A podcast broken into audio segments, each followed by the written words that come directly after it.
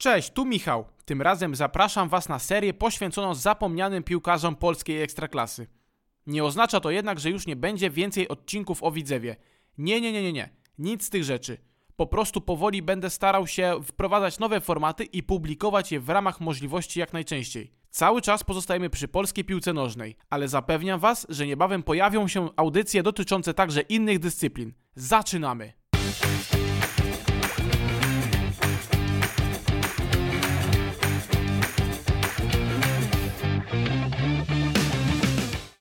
Jakiś czas temu wzięło mnie na wspominki o zawodniku, który stosunkowo nie tak dawno grał w naszej rodzimej ekstraklasie. Szukałem informacji, jak to się w ogóle stało, że trafił do Polski, sprawdziłem sobie jego statystyki oraz dowiedziałem się tego, jak potoczyły się jego losy po opuszczeniu naszego kraju.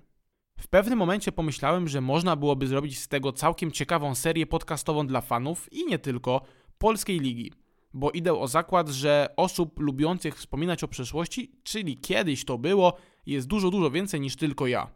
Na pierwszy ogień poszedł sympatyczny Burundyjczyk, który blisko 11 lat temu przeniósł się do Krakowi, czyli Saidin Tibazonkiza.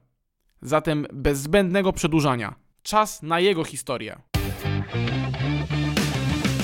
Saidi urodził się 1 maja 1987 roku w Bujumburze, czy też Bujumburze, Wymowa może się nieco różnić w zależności od tego, czy stosujemy wymowę bardziej francuską, czy też tę w języku kirundi.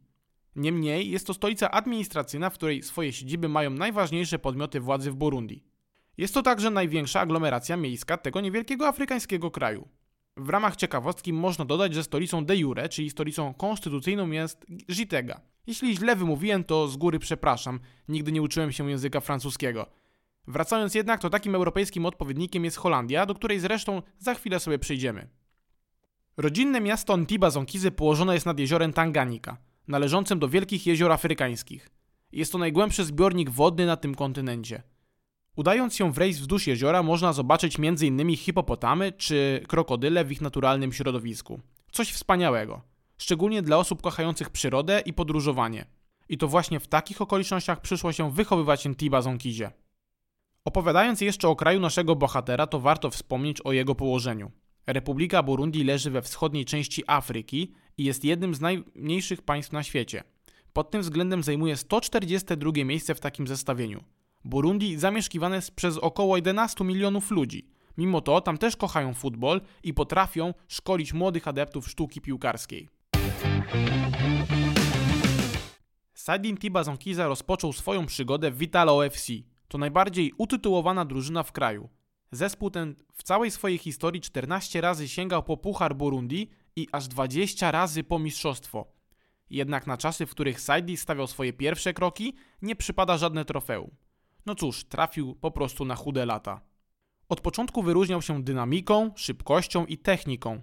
Nie bał się pojedynków 1 na 1, dzięki czemu już w wieku 18 lat trafił do Europy, a dokładniej do wywoływanej chwilę temu Holandii, gdzie podpisał kontrakt z ekipą z Nijmegen, w której w tym samym czasie grał Andrzej Niedzielan. Swoją europejską przygodę jednak rozpoczął od młodzieżowej drużyny. Po mniej więcej półtora roku został przeniesiony do pierwszego zespołu. W Eredivisie zadebiutował 18 listopada 2006 roku w meczu przeciwko Sparcie Rotterdam.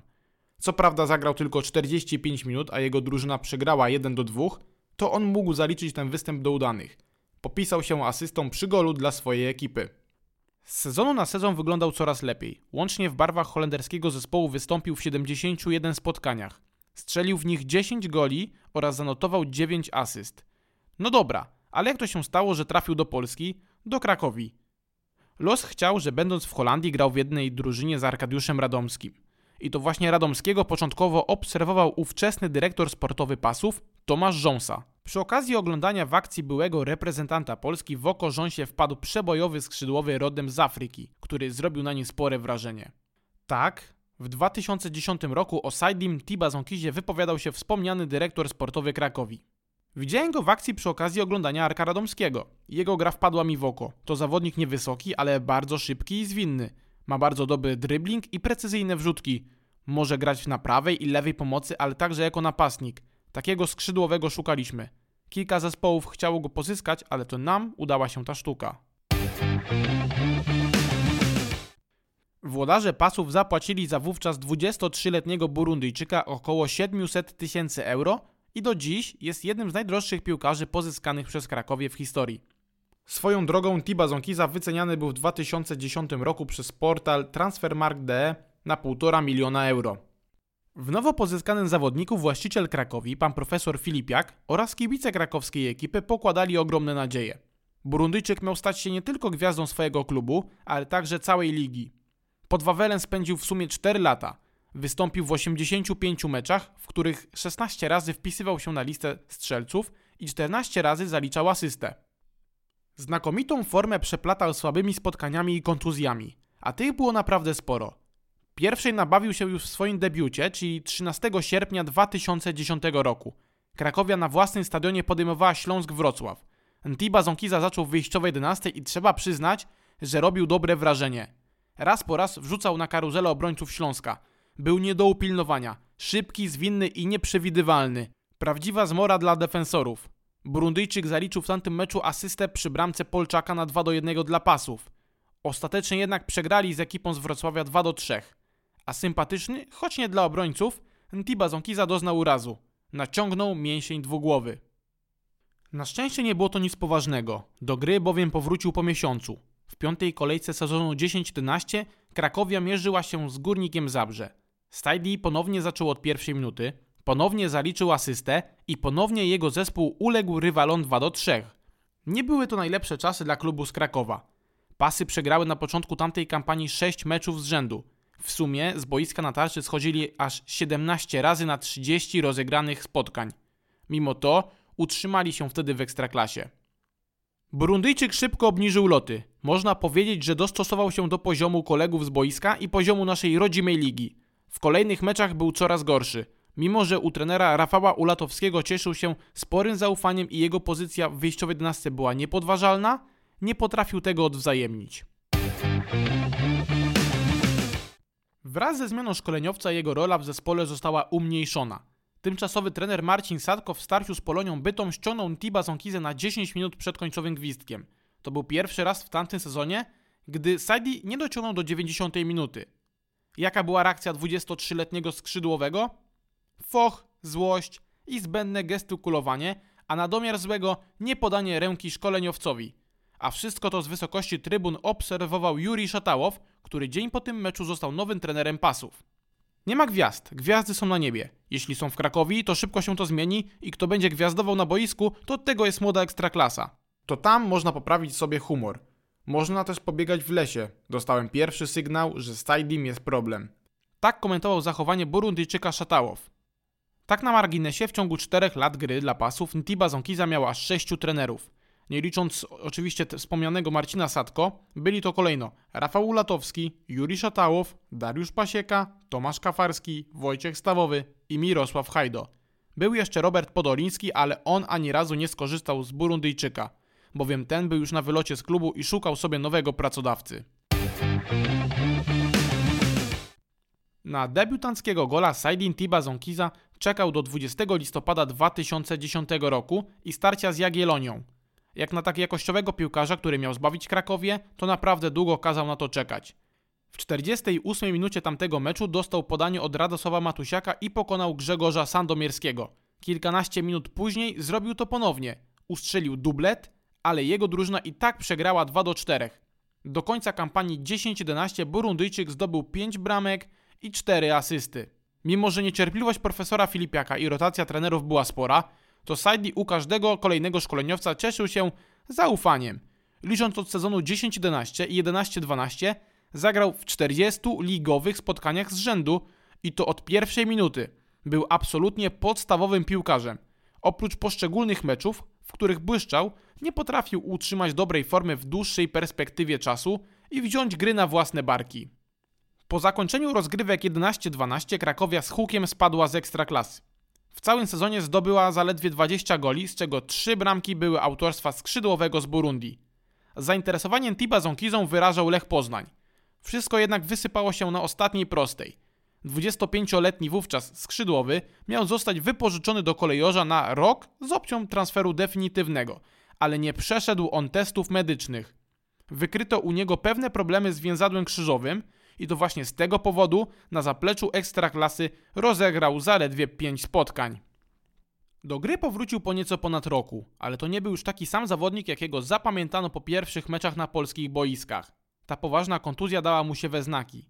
W kampanii 13-14 Pasy Intiba Zonkiza ponownie grali w najwyższej klasie rozgrywkowej. Co ciekawe, to był pierwszy sezon, który po 30 kolejce dzielił tabelę na grupę mistrzowską i spadkową. Według tej nowej reformy oczywiście. Krakowia znalazła się wtedy w tej gorszej grupie. O włos utrzymali się w ekstraklasie.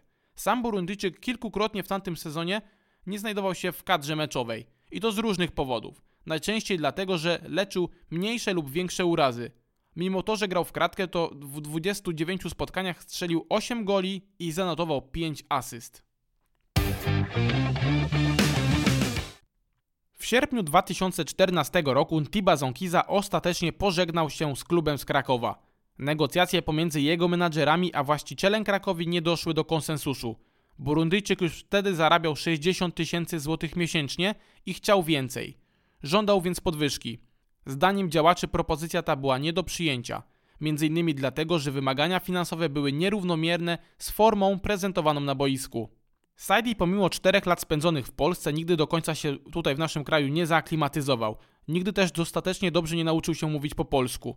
Szkoda, że nie został w naszej lidze na dłużej, bo gdy tylko był w formie, to miał to coś. Coś, co go wyróżniało. Szybkość, zwinność, dribbling to były jego atuty. Po opuszczeniu Krakowa kariera Burundyjczyka przypominała równie pochyłą. Piłkarz zaczął rozmieniać się tylko na drobne. Na początku trafił do Turcji, gdzie mimo dobrych początków nie zrobił kariery. Już po pół roku został bez klubu. Stan ten utrzymywał się przez 8 kolejnych miesięcy do września 2015 roku, kiedy to na usługi 28-letniego skrzydłowego zdecydował się francuskie SM Caen. Umowa została zawarta do końca sezonu 15-16 z opcją przedłużenia jej o kolejne dwa lata. Tiba Zonkiza pełnił tam raczej drugoplanową rolę. Albo nie grał wcale, albo grywał tak zwane ogony. Burundyjczyk nie przypominał zawodnika chociażby ze swoich początków w Krakowi, dlatego też w lipcu 2016 roku pożegnał się z klubem z ligę. Sytuacja się powtórzyła. Ponownie przez kilka miesięcy pozostawał na piłkarskim bezrobociu. Do gry powrócił dopiero w lutym 2017 roku. Odnalazł się w lidze kazachskiej, gdzie całkiem sporo zarobił i mało pograł. W barwach Kajsaru Kyzyworda wystąpił tylko w 10 meczach. W 23 nie znalazł się nawet w kadrze. I to z różnych powodów, głównie przez kontuzję.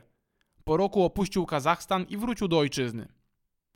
Oficjalnie przez dwa lata pozostawał bez zatrudnienia. Można powiedzieć, że zrobił sobie chwilową przerwę i zaczął cieszyć się życiem. W styczniu 2020 roku dołączył do klubu, w którym się wychował, a więc Vitalo FC. Przez kilka miesięcy czarował na burundyjskich boiskach.